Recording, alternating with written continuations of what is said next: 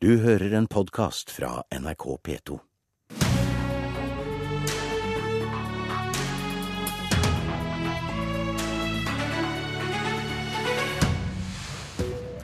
Kvinner opplever fortsatt at de har vesentlig mindre makt på jobb enn menn, tross tiår med likestilling. Fedre må ta mer pappaperm for å få likestilling i arbeidslivet, mener toppsjef i Deloitte Norge.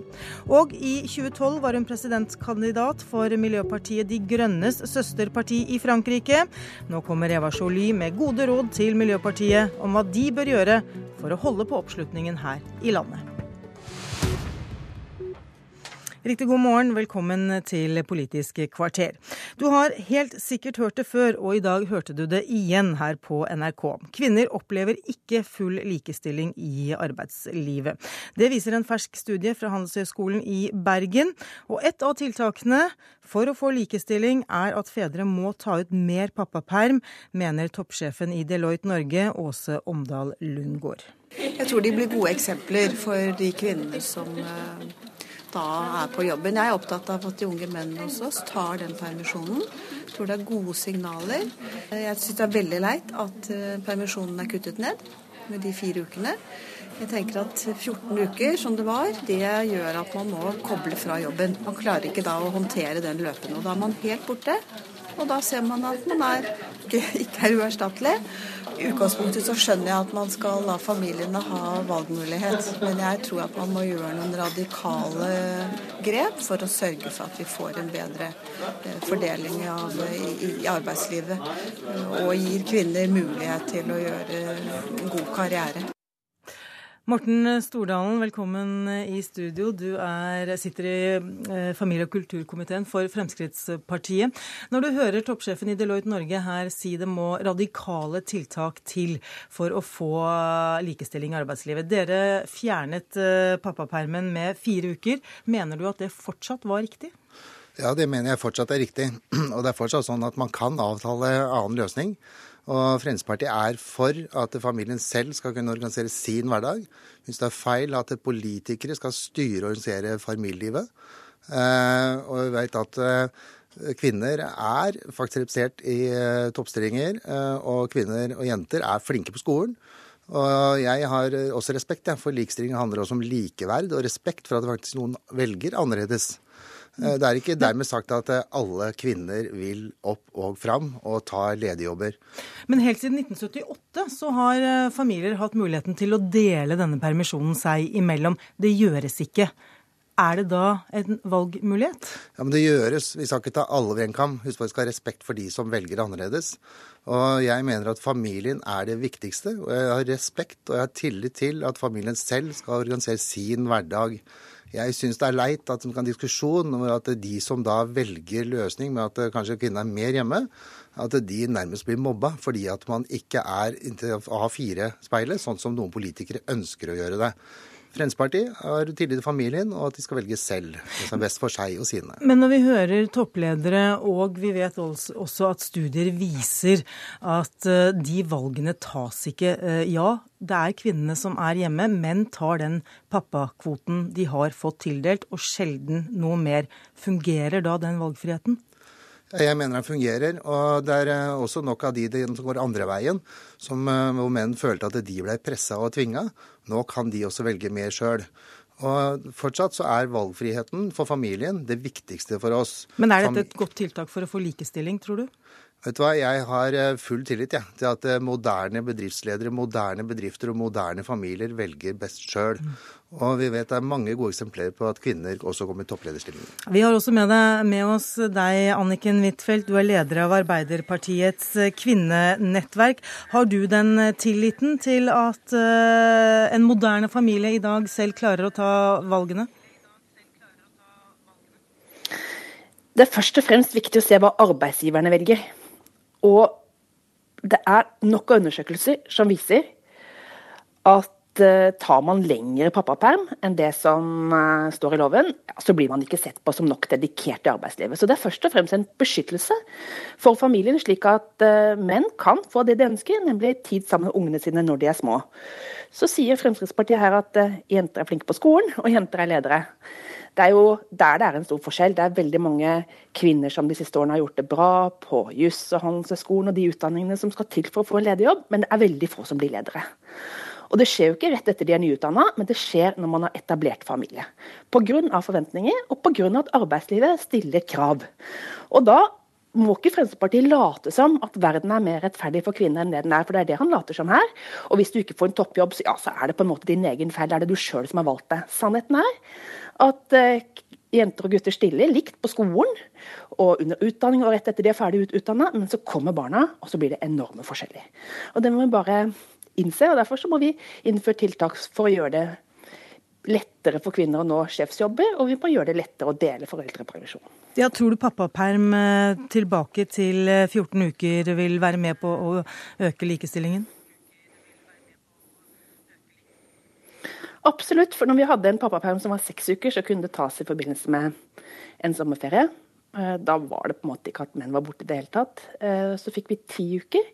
Da så vi at flere menn tok det. 14 uker var jo på en måte, Da har man noe tid sammen med, med barna alene. Da går mamma ut i yrkeslivet alene. Da får man en bedre fordeling av arbeidsoppgavene hjemme. Og ikke minst, og det er her Frp bommer, så er det et signal til arbeidsgiver at ansetter du en dame på 32 eller en mann på 32, så må du regne med at vedkommende er litt borte under permisjon. Og Det er derfor veldig mange kvinner i arbeidslivet opplever diskriminering.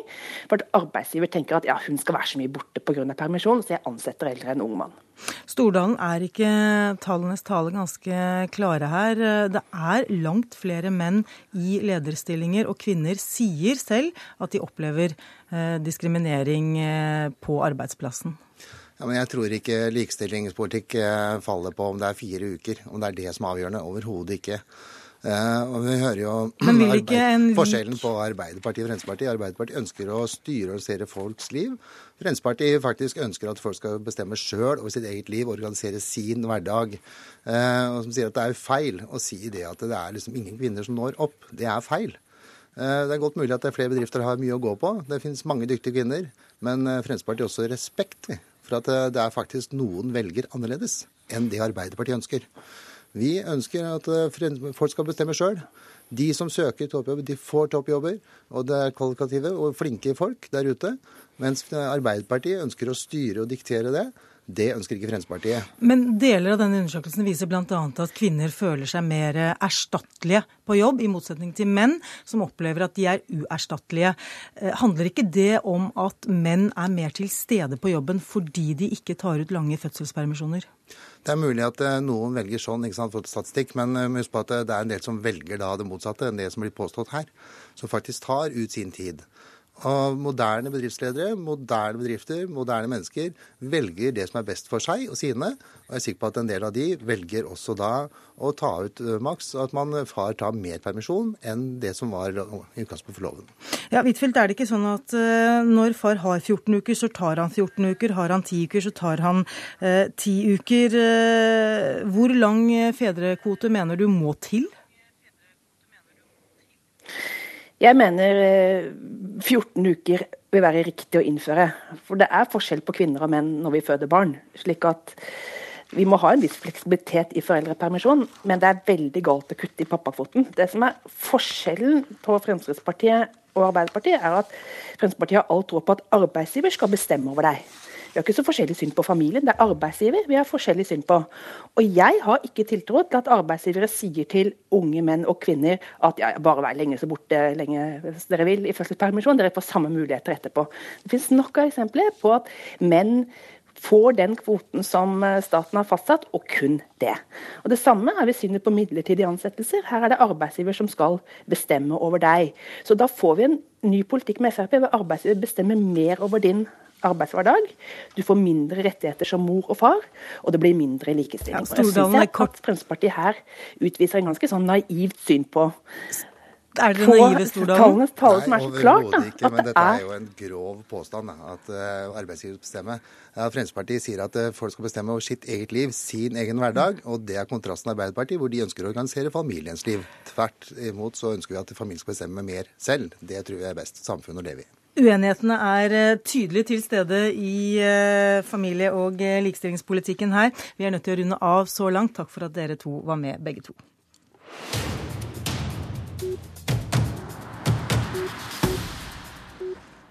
Ja, vi skal skifte tema her i Politisk kvarter. Vi skal til Miljøpartiet De Grønne, og ikke minst deg, Eva Jolie. Velkommen i studio. Takk skal du ha. God morgen. God morgen, god morgen. Det var Det ble et godt valgresultat for Miljøpartiet De Grønne her i Norge. Er du overrasket? Nei, det er jeg ikke. Jeg syns det er veldig på tide at Miljøpartiet De Grønne blir et stort parti i Norge. Fordi det uttrykker jo at dette er bekymringer for velgerne, for borgerne.